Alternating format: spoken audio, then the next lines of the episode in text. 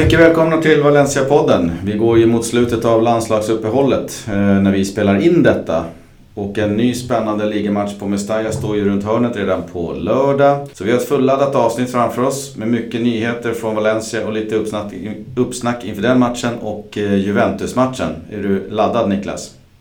Ja, det tycker jag. Det känns som att man blir så här halvt deprimerad av de här landslagsuppehållen även om det var väl en del roliga så här Valencia-takes att ta med sig. Men eh, det, eh, det, det ska ändå bli kul liksom att Valencia på allvar drar igång igen. Och det är ett par riktigt eh, häftiga matcher runt hörnet att snacka ut. Ja, de tar inte slut heller. Det är ju max fyra dagar mellan varje match. Så det, det är mycket att snacka upp här. Det är två matcher som ska snackas upp den här gången. och, och det är ju liksom, efter lördagen så har vi ju Champions League redan på tisdagen så att eh, det är riktigt spännande. Ja, man går in i en hektisk period nu som vi pratade om sist så är det ett tufft spelschema här framöver. Och både liksom tuffa ligamatcher och sen så drar Champions League igång där det, där det nog gäller att liksom vara med från början. Och det är ju inga dussinlag vi ställs mot här i inledningen heller. Så att eh, det går liksom inte att ställa ut något B-lag där och tro att man ska, man ska ta med sig någon poäng.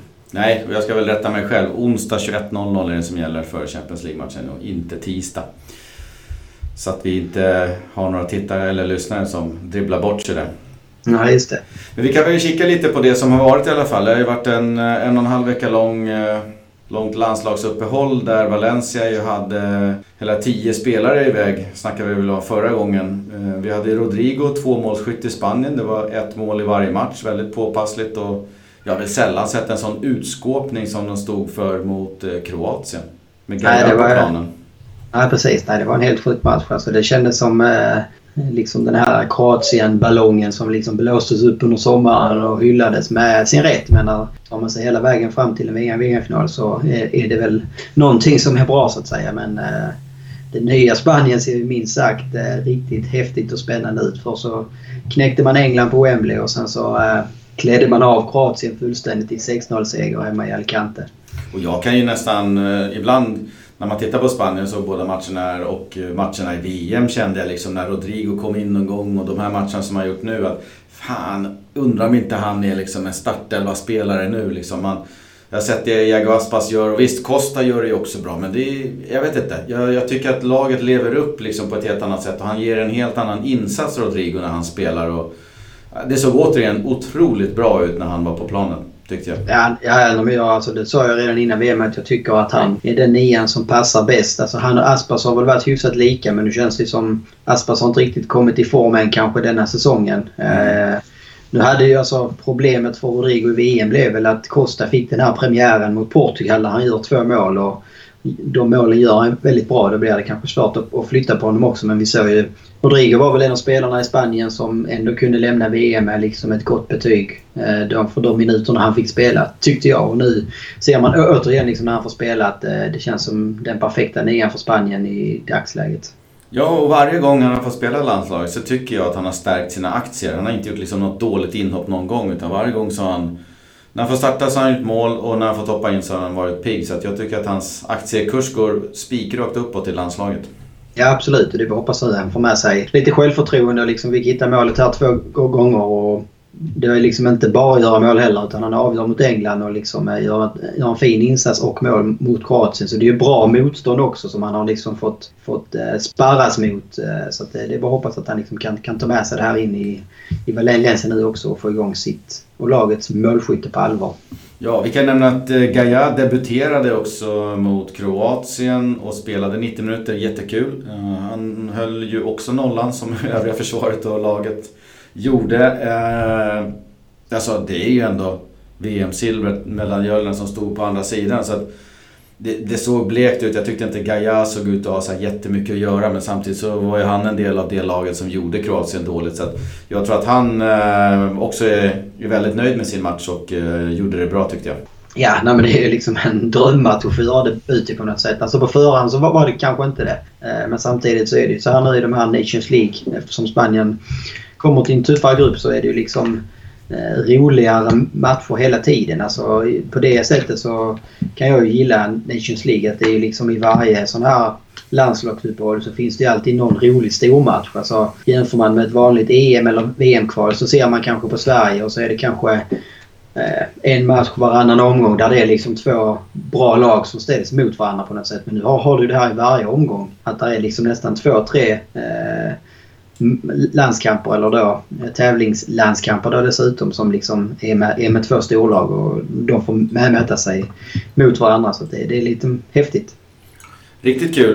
Eh, vi kan väl nämna också de andra spelarna som var iväg. Vi hade ju en eh, Neto som ju fick göra debut i Brasilien som spelade borta i USA. Vi hade en Cheryshev i Ryssland som var målskytt.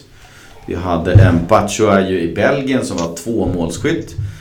Och Jason Murillo, han fick starta för Colombia mot Argentina och fick 90 minuter i benen i den matchen som slutade 0-0.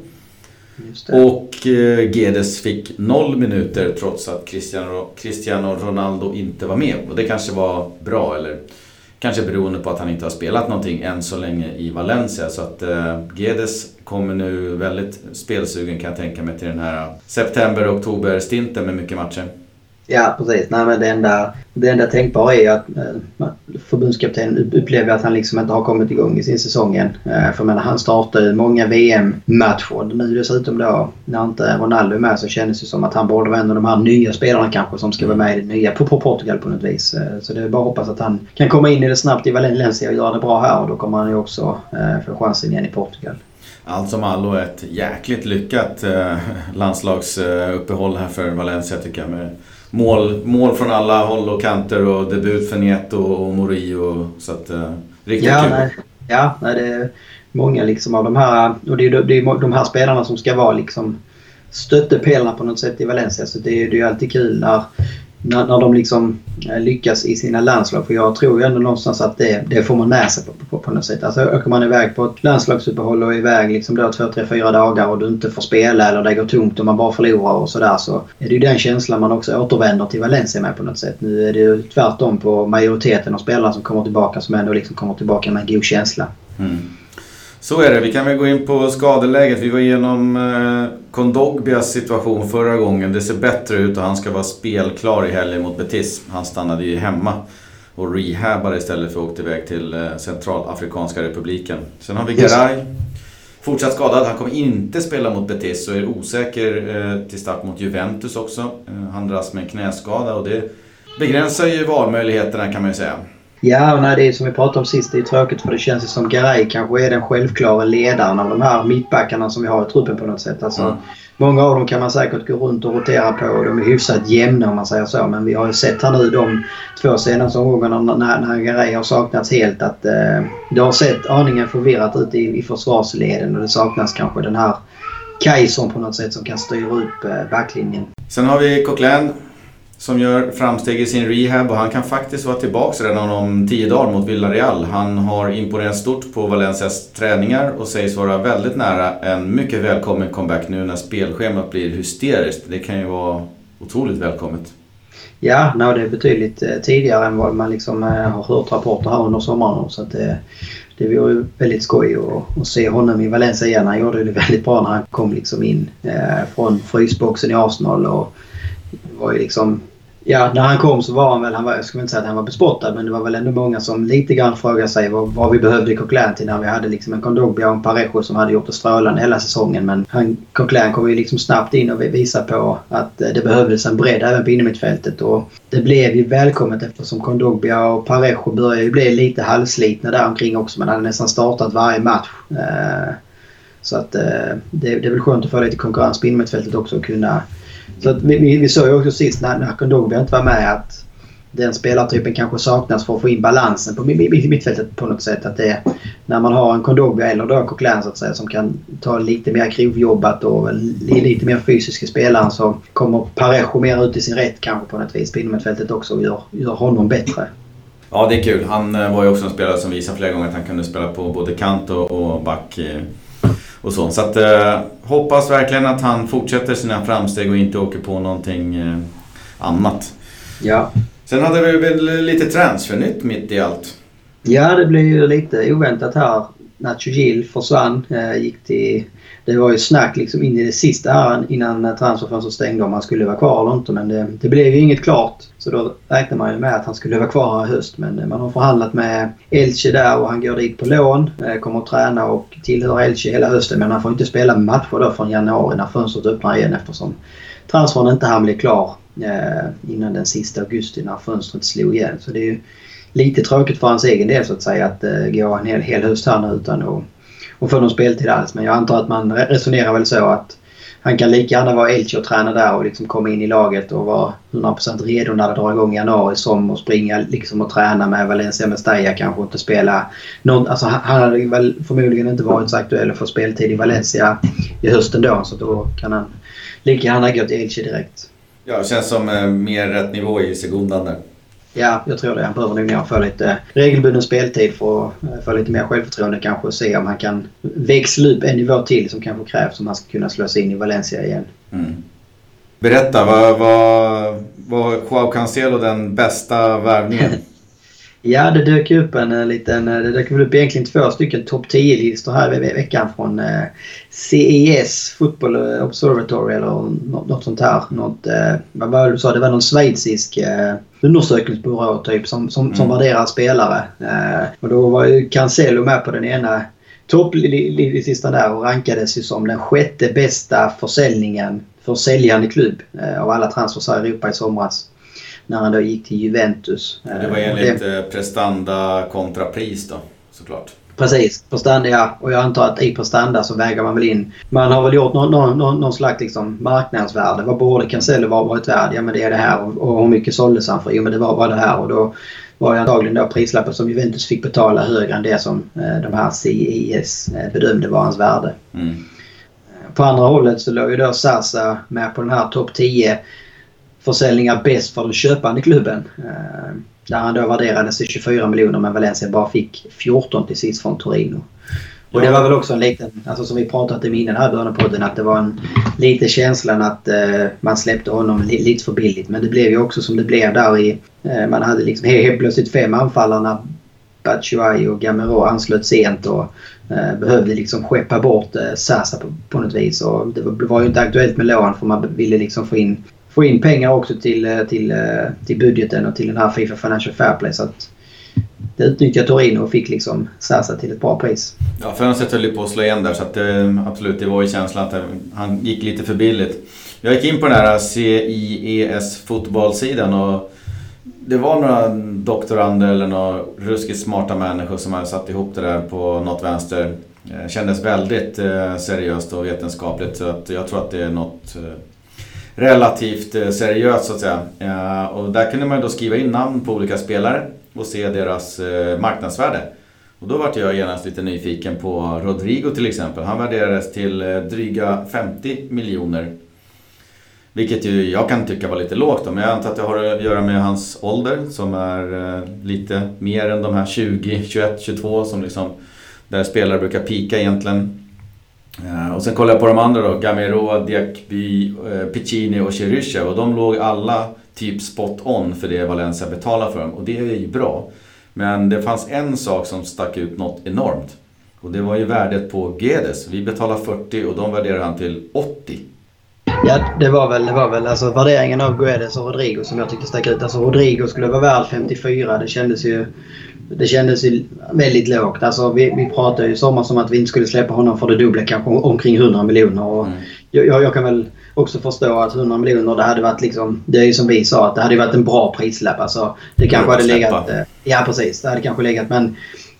Alltså ska man jämföra andra anfallare som liksom har gått på transfers de, de, de senaste åren så ska det ju bra långt ner för att du ska hitta liksom en anfallare av Rodrigos kaliber för 54 miljoner. Alltså 54 mm. miljoner för liksom en, en toppnia som numera liksom startar i Spanien och gör mål på löpande band i stort sett i landslaget och gjorde ju ändå eh, runt 20 mål i ligan i fjol och spelade en Champions League-klubb. Det är ju det är lite löjligt lågt kan jag tycka. Och han är liksom inte ens... Vad, är, vad, vad, vad du sa då? Han är 27-28. Han är liksom inte 32-33 många anfallare har ju sina bästa år kanske mellan 28 och 30.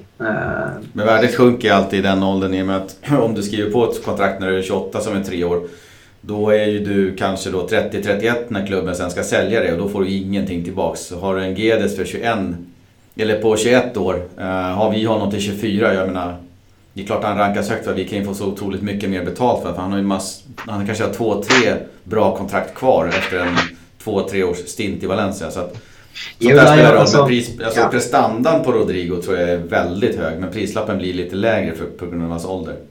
Ja men det är det jag känner lite grann är alltså Rodrigo har ju ändå bevisat sig på något sätt både i, i, i klubblaget här över eh, en och en halv säsong i alla fall och liksom befäst sin plats i Spanien som ett av de starkaste landslagen i världen. Guedes har ju haft en bra höst. Mm. Egentligen rent krasst. Uh, ja, det är på potentialen att, uh, typ som, ja, som ja, aktier och annat ja. man går på vad man det, tror. Exakt, ja. Nej, men det är lite så alltså värdera, alltså all, all, värdering är ju liksom, uh, det blir ju väldigt eh, subjektivt på något sätt. Att det är liksom, vad, vad, vad lägger jag i den värderingen och vad lägger någon annan i den värderingen? Alltså ska man bara värdera idag vad liksom spelaren skulle vara värd vid en försäljning idag så skulle jag ju värdera Rodrigo högre än, än Gonzalo Guedes till exempel. Ja, och det, så, det, så och det, är ju, alltså, det, är, det är väl det som blir lite konstigt. Det var ju att Guedes såldes för 40 miljoner i sommar. Eh, och det var ingen annan storklubb som som liksom, eh, nu var det väl en del engelska klubbar som var intresserade och de var väl i samma härad så att säga. Men jag menar, hade Guedes varit värd 80 miljoner så hade ju, då hade ju alla storklubbar i Europa liksom eh, lämnat in bud omkring 50 miljoner sommar för då, då hade ju det varit en stor bargain. Liksom. Mm. Och hade Rodrigo bara varit värd 54 miljoner, ja men då hade det inte pratats om att eh, Real Madrid skulle slänga upp 80 miljoner från honom. Så det är lite eh, fel ute tycker jag de är i värderingen där faktiskt. Nej, jag eh, läste en tweet från David Garrido. Han är ju någon känd kille på, som är väldigt insatt i La Liga. Eh, han kommenterade Valencias eh, Guedes kontrakt som vi snart kommer in på. och han sa det att Valencia lär ju ha dubblerat prislappen på honom innan de ens har betalat en krona för honom. Ja. och det kan ju stämma om man värderas till 80 redan nu då. Exakt, nej men det var ju som vi pratade om sist tror jag också att eh, menar 40 miljoner för, för, för Guedes tycker jag är en fantastisk prislapp. Och det, jag, jag tror det kommer att visa sig att det var liksom en, en riktig, riktig eh, rea-prislapp om hans utveckling fortsätter någorlunda som liksom folk kan få vänta sig. Och det var väl som jag sa då. Jag tror inte det är omöjligt att han bara på ett år har tredubblat det värdet. Men gör han en kanonsäsong här nu eh, som vi liksom fortsätter på den hösten han hade i fjol så är det liksom inte omöjligt att han är värd över 100 miljoner till, till, till sommaren. Det, det tror inte jag i alla fall. Och dessutom eh, den här säsongen så lär han få visa upp sig på Champions League-scenen vilket ju är Precis. en viktig faktor i det där hela. Ja, nej men absolut. Och som vi, som vi började här med så känns det som att han borde vara en av de, de liksom spelarna som, som kommer få en större och större roll i Portugal också när man eh, eh ska fasa ut eller hur man ska kalla den Cristiano Ronaldo som ändå börjar komma upp i åren. Mm. Vi kan väl eh, avsluta transfernyheterna där och sticka in med doping. Eh, helt ja. otroligt. Eh, det dök upp någon nyhet här i veckan om att Chirisha var under undersökning eh, för dopingmisstankar. Och då handlar det om eh, tillväxthormoner som han ska ha tagit under sin tid i Villarreal 2014-2015 eh, och 2016-2018. Otroligt nog, korkat nog, så startade utredningen på grund av att Chirishevs pappa uttalade sig om detta till pressen. Varpå den spanska dopingbyrån då snappade upp det här och startade en utredning. Alltså officiellt startade en utredning. Eh, nu eh, avslogs det där idag eh, efter att Cheryshev publicerade ett brev från den spanska dopingbyrån som sa att de tackade honom för det fulla samarbetsviljan som han visat och hade gjort en utredning och de hade nu avskrivit ärendet och sagt att det finns ingenting där. Han blev frigiven, eller vad kallar man? Friskriven från dopingmisstankar helt och hållet. Så det var ju skönt. Ja, nej, det, var, så det, det började ju också spekuleras en del om att eh, det var därför som man fick lämna Villarreal och det var mm. därför de var liksom så välvilliga med att släppa honom på lån till Valencia och sådär. Och man blir ju lite så här, okej okay, det, det, liksom, det lät ju ändå logiskt på, på, på något sätt. Mm. Eh, men eh, och det liksom allting med det har varit omkring Ryssland och doping och den här Ikaros-dokumentären och allting sånt här. Så det var ju liksom många varningsklockor som började ringa på något sätt. Eh, mm. Så det var ju väldigt skönt att det kom ett så snabbt besked också. Liksom, att det liksom kan vara ur världen här nu direkt. Att det inte är någonting som ligger liksom som en våt filt över truppen på något sätt. Mm.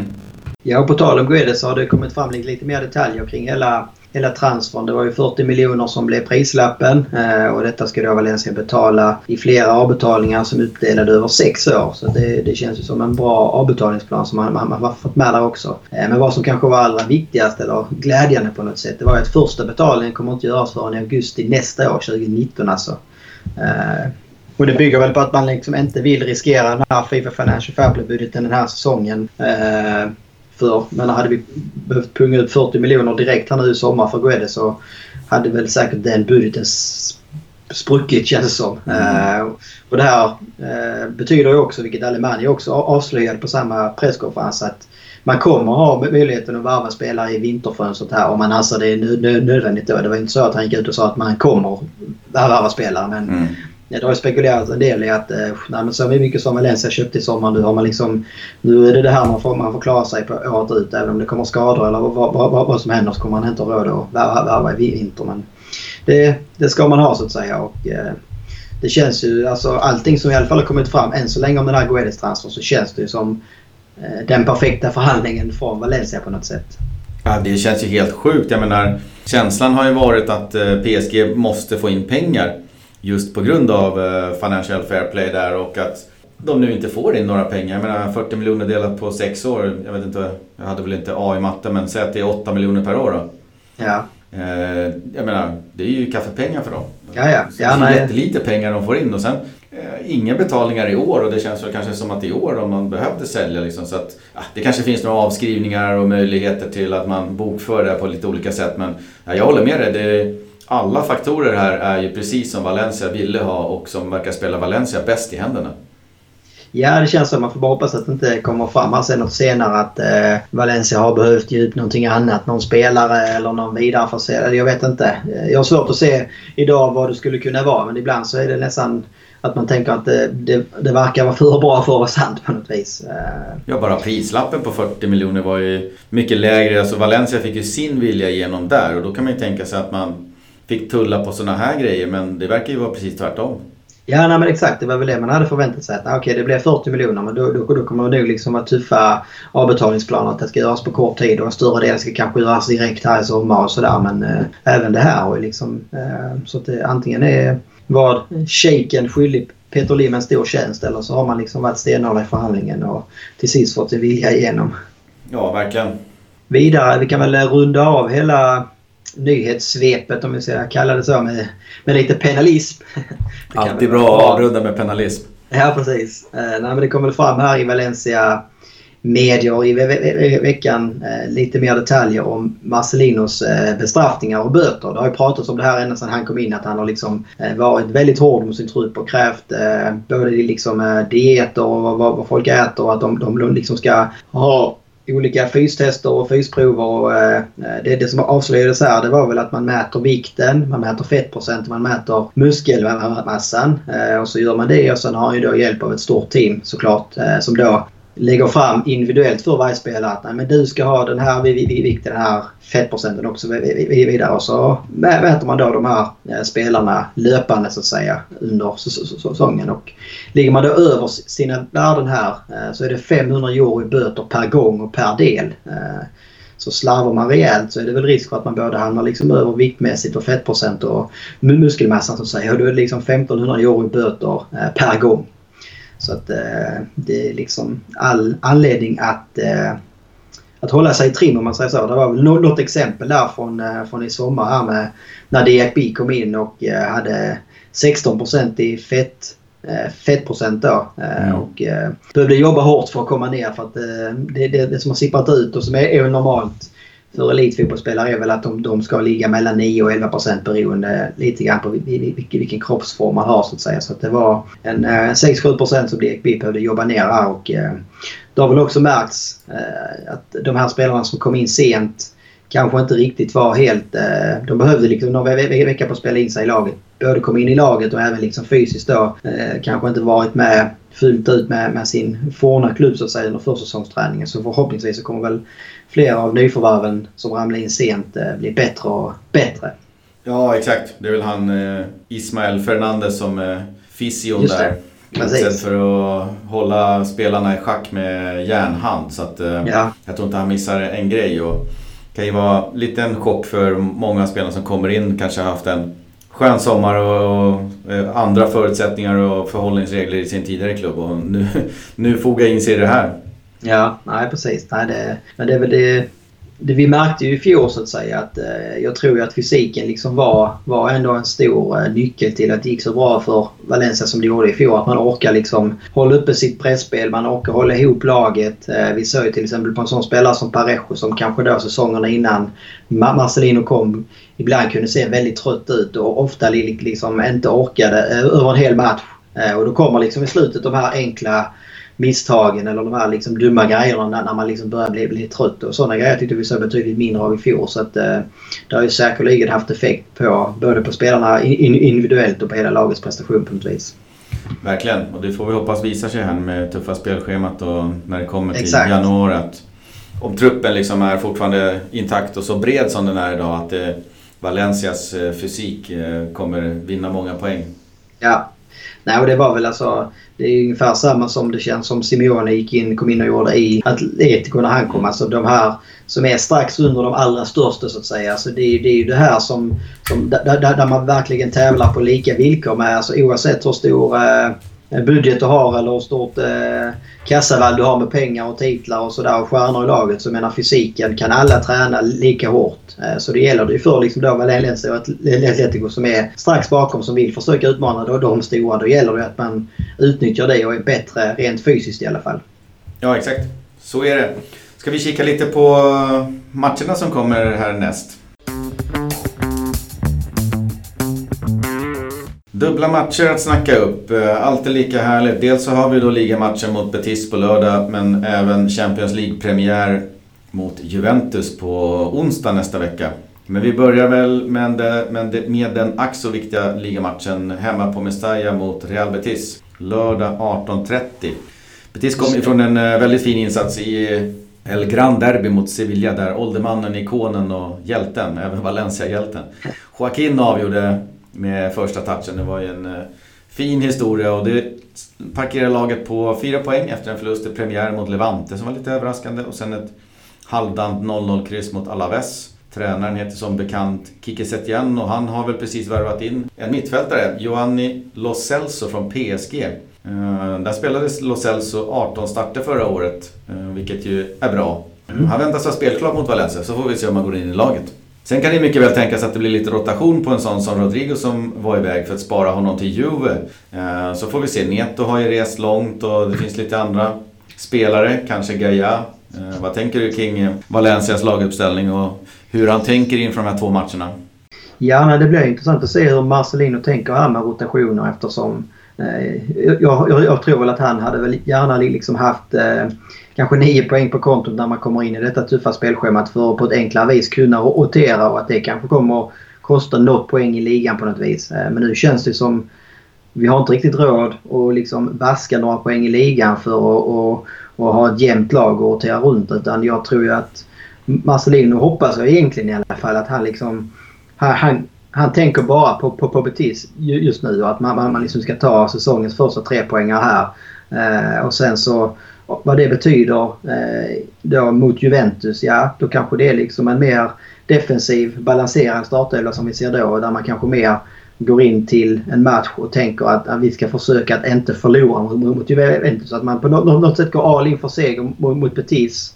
Eh, men mot Juventus i en CL-premiär så kan man kanske mer känna att viktigast att inte förlora så att vi liksom hamnar allt helt liksom snett på det i, i, i Champions League-gruppen på något vis. Eh, men det är ju, som du är inne på så har det pratats om och det är väl logiskt egentligen att de, de, de, de spelarna hade pratats om att roteras har ju varit landslagsspelarna med Rodrigo som, som har spelat båda för Spanien. Eh, Netto som har liksom en resa och lite tidsskillnad i kroppen. Eh, Gaia, Soler. Alltså det, det, på ett sätt är det logiskt att de, de andra spelarna som inte har varit iväg med sina landslag har varit hemma och kunnat träna och förbereda sig för det här i lugn och ro. Medan då de här landslagsspelarna vill komma hem kanske i, i, idag, är med på träning idag imorgon. Så att, mm. Ja, det, det känns som det, det liksom är svårspekulerat på något vis innan man också får rapporter från hur träningarna ser ut. För då, jag tror att man liksom på träningen imorgon fredag, nu spelar vi in torsdag kväll, så tror jag man, man kommer kunna se hur Marcelino tänker. Och, eh, det är klart, i anfallet så Eh, då, då, skulle det i så fall vara Gamero och Mina kanske som startar. Det är, ja, det är frågan liksom. Samtidigt har vi då en glödhet Rodrigo som... Jag vet inte. Det, skulle jag få bestämma så hade jag hellre startat med liksom starkast tänkbara startelva. Eh, och sen så kan man hellre då ta ut efter en 65-70 minuter kanske då en Rodrigo som inte behöver gå 90 minuter fullt ut och kunna slänga in en in, in, inhoppare där på något vis. Eh, men... Eh, ja, för det går ju inte att rotera bort några poäng här utan alltså, på något sätt så, så måste man ju tillbaka till det att man tar en match i taget. Ja. Men så måste ju Marcelino ha lite i åtanke att Rodrigo har ju gått två matcher nu Eh, med Spanien medan alla andra har vilat. Eh, ska han gå två matcher igen då, eh, Betis Juventus för att sen liksom gå på nästa match som är Villarreal på söndagen därefter och sen så är det veckomatch igen mot Celta Vigo. Så liksom det, det, det, någon gång måste rotationerna ske. Och Rodrigo är väl den som har spelat mest av alla spelare. Ja och sen alltså, samtidigt är det också, så är det någon match som man Eh, kanske på något sätt ändå i Champions League inte kalkylerat med tre poäng så, var, alltså, så är det väl kanske dubbelmötena med Juventus. Alltså det hade varit tuffare om vi hade haft United här hade räckt som kanske ändå känns som den som vi slåss för andra platsen om. Mm. Uh, det är väl ändå Juventus i min bok i alla fall skulle det inte vara någon katastrof om man till och med skulle förlora mot Juventus. Samtidigt som man då kan vända på det och tänka liksom Valencia de sista åren med Marcelino har ju sett egentligen allra, allra bäst ut när man ställs mot bra lag. Alltså man har kanske gjort de starkaste insatserna framförallt hemma på Mestalla mot Barca som man haft i gungning, mot Real Madrid som man haft i gungning och mot Atletico Madrid man haft i gungning. Och, jag menar, är ju inte mycket bättre än något av de tre lagen så att det ska ju samtidigt inte ha någon liksom överdriven respekt för dem. Nej, så är det. Det skulle ju samtidigt vara en riktigt härlig skjuts in i Champions League-gruppen med en, att inleda med en vinst mot Juventus. Ja, nej men det är alltså... Skulle man ta tre poäng hemma mot Juventus på något sätt så tror jag ju det... Alltså om det förhoppningsvis då eh, byggs av en trepoängare mot, mot Betis. Så ju två sådana segrar skulle ju vara... Då skulle ju liksom alla eh, glömma den här tunga starten och att det liksom sett hackigt ut och sådär. Och då tror jag både liksom publikmässigt och spelarmässigt så hade man nog liksom kunnat få en jäkla skjuts och självförtroende av det och kunna liksom bara surfa vidare på den vågen. Så självklart är ju det liksom drömscenariot på något sätt. Att vi, vi, vi, vi får till det som vi vill i ligan. och vi vet ju liksom att Betis med Kicke Setien absolut går att straffa. Vi såg det inte minst i fjol där Valencia liksom spelar ut och vinner båda, båda holmgångarna egentligen. Eh, och jag tycker att eh, Betis har sett likadana ut i år som jag gjorde i fjol. Det var mycket liksom hype om Betis inför denna säsongen. Att man skulle bli stabilare, att det skulle liksom eh, ja, men vara ett lag som var mer balanserat och skulle kunna mer kriga sig in i toppen och inte ha de här stora svängningarna där man ena omgången liksom som då mot Sevilla gör en kanonmatch i derbyt för att eh, i premiären förlora med 3-0 mot Levante. Men det finns ju ingenting än så länge som tyder på att man har fått mer balans i laget i år än man hade i fjol. Och då, då tror jag ändå att Marcelino liksom eh, vet hur han ska kunna eh, straffa Betis. Ja, men då tror du lite grann på kanske en offensiv eh, elva här mot Betis och kanske lite mer defensiv mot eh, Juve, eller? Egentligen så vet jag inte egentligen så tror jag nog ingenting. Det är mer vad jag hoppas. Alltså, ja, om jag hade fått okay. bestämma så hade jag nog eh, gått liksom all in för att verkligen försöka vinna mot Betis. Eh, sen så är det väl heller inte omöjligt att re resultatet mot Betis så att säga också kommer påverka hur Marcelino tänker inför onsdagens match. Mm. Eh, jag menar förlorar man mot Betis eh, ta i trä höll på att säga. Eh, ja då, då kanske inte Marcelino känner liksom att man har råd på samma sätt att ställa ut en startelva mot Juventus som kanske mer är inriktat på att ta ett kryss. Utan då, då kanske det verkligen börjar bli stressigt och panik. Nu behöver vi verkligen ta en seger och, och sådär. Så att, eh, ja, det, det är två riktigt luriga omgångar här och det, liksom, det känns som, eh, jag menar, ska vi vara djävulens advokater och måla upp att det, det liksom slutar med noll poäng här. Mm. Så det är frågan liksom vad, vad händer i Valencia då? Då har man liksom en en eh, inledning i ligan med två poäng efter fyra omgångar. Man har förlorat eh, hemmapremiären i Champions League. Uh, ja, alltså då, då tror jag det är risk för att det liksom kommer att blåsa riktigt snåla vindar i Valencia ganska, ganska snabbt. För det är ju det här som är på något sätt både tjusningen och liksom kanske det, det lite tråkiga med fotbollen. Det är att det svänger jäkligt fort. Alltså du är ju inte bättre än dina senaste resultat. Och framförallt så vet vi att publiken i Valencia och omkring Mestalla är ganska kräsna och har väldigt höga krav. Ja, jag andas ändå lite optimism. Jag kan känna att det finns ju bara en dålig insats hittills och det var den mot Espanyol. Jag tycker matchen mot eh, Levante fanns det ju gott om målchanser för att vinna den och putsa bort några misstag så, så är vi där med tre poäng. Och Atletico-matchen ja, ja. var mycket väl utförd. Så att vi får hoppas att det bara finns en plump i protokollet trots att poängskörden är lite skral. Precis. Nej, och jag tror... Alltså, jag är inte naiv eller liksom eh, någon, någon drömmare när jag säger att jag inte tror det är alls omöjligt att, att, att vi kan ta sex poäng här. Eh, jag tror det är större liksom, möjlighet att vi tar sex poäng än att det är en risk att vi tar noll poäng. Mm. Eh, men det är det enda...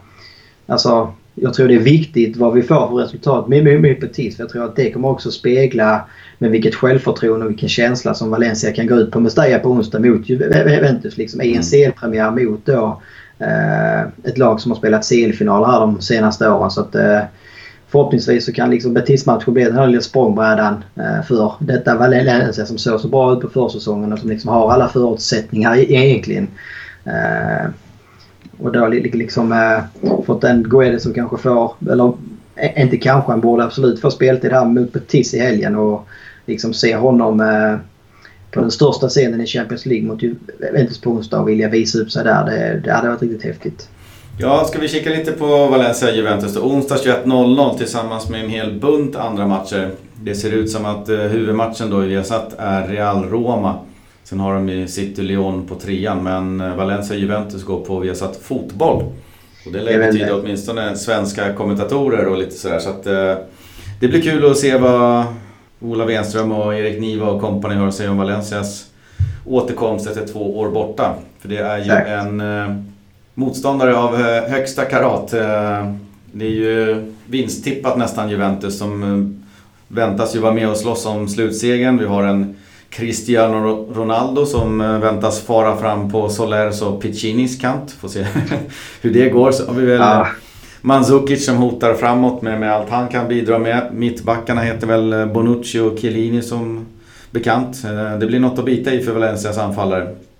Nej men så är det ju. Alltså, börjar vi bakifrån så är det precis som du säger att Juventus som det känns som liksom har fallit i, i två Champions League-finaler. Eh, som nu liksom har fått in en Ronaldo som man då tänker ska vara den här vinnaren och liksom tungan på vågen på något sätt. Eh, för att Juventus äntligen ska, ska få vinna Champions League igen.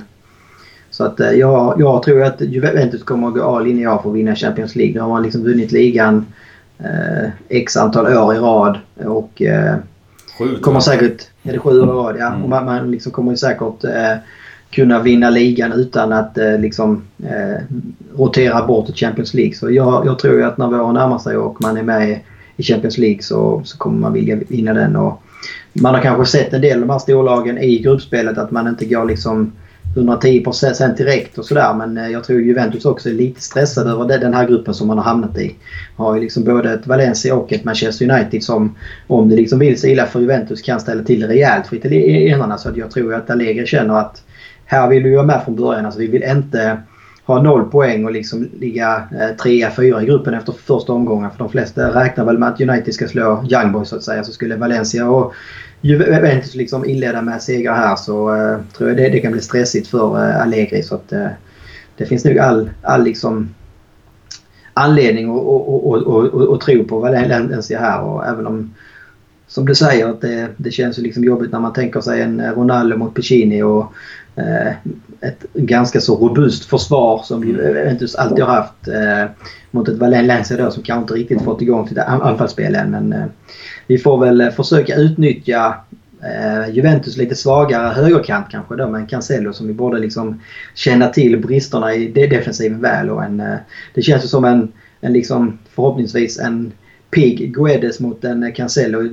Defensiven där kan ju andra sidan också bli... Eh, det är spännande att följa. Ja, mycket spännande att följa. Uh, och, och, precis som du är inne på så tror jag Juventus går all in här. Uh, för att gå långt i Champions League så har det ju visat sig att den här första platsen i gruppen är ju klart att föredra. I och med att man slipper bli lottad mot de andra ettorna då. Exakt. Ja. Arsenals gamla förbannelse att alltid komma tvåa. Ja. Så att nej, Juventus, ska de ha någonting med det här att göra så tror jag att de absolut måste komma etta och det är nog det de siktar på i gruppen. Ja, Sen tror jag inte det alls är omöjligt egentligen att Allegri... Det, det, det är klart att han inte åker till Valencia och är helt nöjd med ett kryss. Men jag tror någonstans i hans egna tankar så har han nog eh, budgeterat, kalkylerat med att nej, kan de få med sig ett kryss borta mot Valencia och ett kryss borta mot United så tror jag de är helt nöjda med det och räknar med att vinna sina hemmamatcher och sen spöa Young Boys över två omgångar. Så att, eh, det är nog inte helt omöjligt att eh, om vi liksom har ett kryss länge här att man ser att Juventus som kanske inte blottar sig allt för mycket för att gå för segern utan kommer vara ganska nöjd med ett kryss då. Verkligen. Den matchen ser vi verkligen fram emot och så ska vi inte glömma Betis först på lördag som är eh, minst lika viktig fast i en annan liga. La Liga det vill säga där Valencia behöver poäng. Så det är två kul matcher att se fram emot. Jag vet inte hur vi gör med podden nästa vecka men det kanske lämpar sig att spela in den på torsdag så att vi får med Juventus-resultatet i snacket. Ja, det borde vi väl göra. Antingen någon, någon live-podd kanske där. Ja. andra halvlek eller någonting. Se. Men det, det vore väl... Eh, det vore väl smart kanske att invänta resultatet där så man inte spelar in på tisdag och sen så när podden kanske släpps ändå så är matchen spelad så att säga. Så det låter väl smart. Ja, det blir ju tyvärr bara live för dig och mig också. Det blir inte live för någon ja, annan som lyssnar ja, sen senare. det blir så tråkiga referat. Vi sitter och här våra reaktioner blir äh, äkta och live. ja, exakt. Men ja, det ja, vi, får ja, vi, får se, vi får se vad det blir. Vi återkommer ja. när vi vet. Uh, vi kan väl uh, kika lite på fiaskotävlingen, ja. Scorecast. Vi hade ju ingenting gångna veckan då. Det var inget Nej. ligaspel så vi hoppade över. Men vi tänkte även faktiskt fortsätta här mot Betis då. vi skippar Champions League. Det blir lite väl mycket att hålla koll på med alla era härliga tips som kommer in. så fortsätt gärna tippa eh, segrare, ett resultat och den första Valencia-målskytten. Eh, skicka dem till oss, Facebook, Twitter, Instagram eller något PM eller något liknande. Gå även bra ja. på mailen då.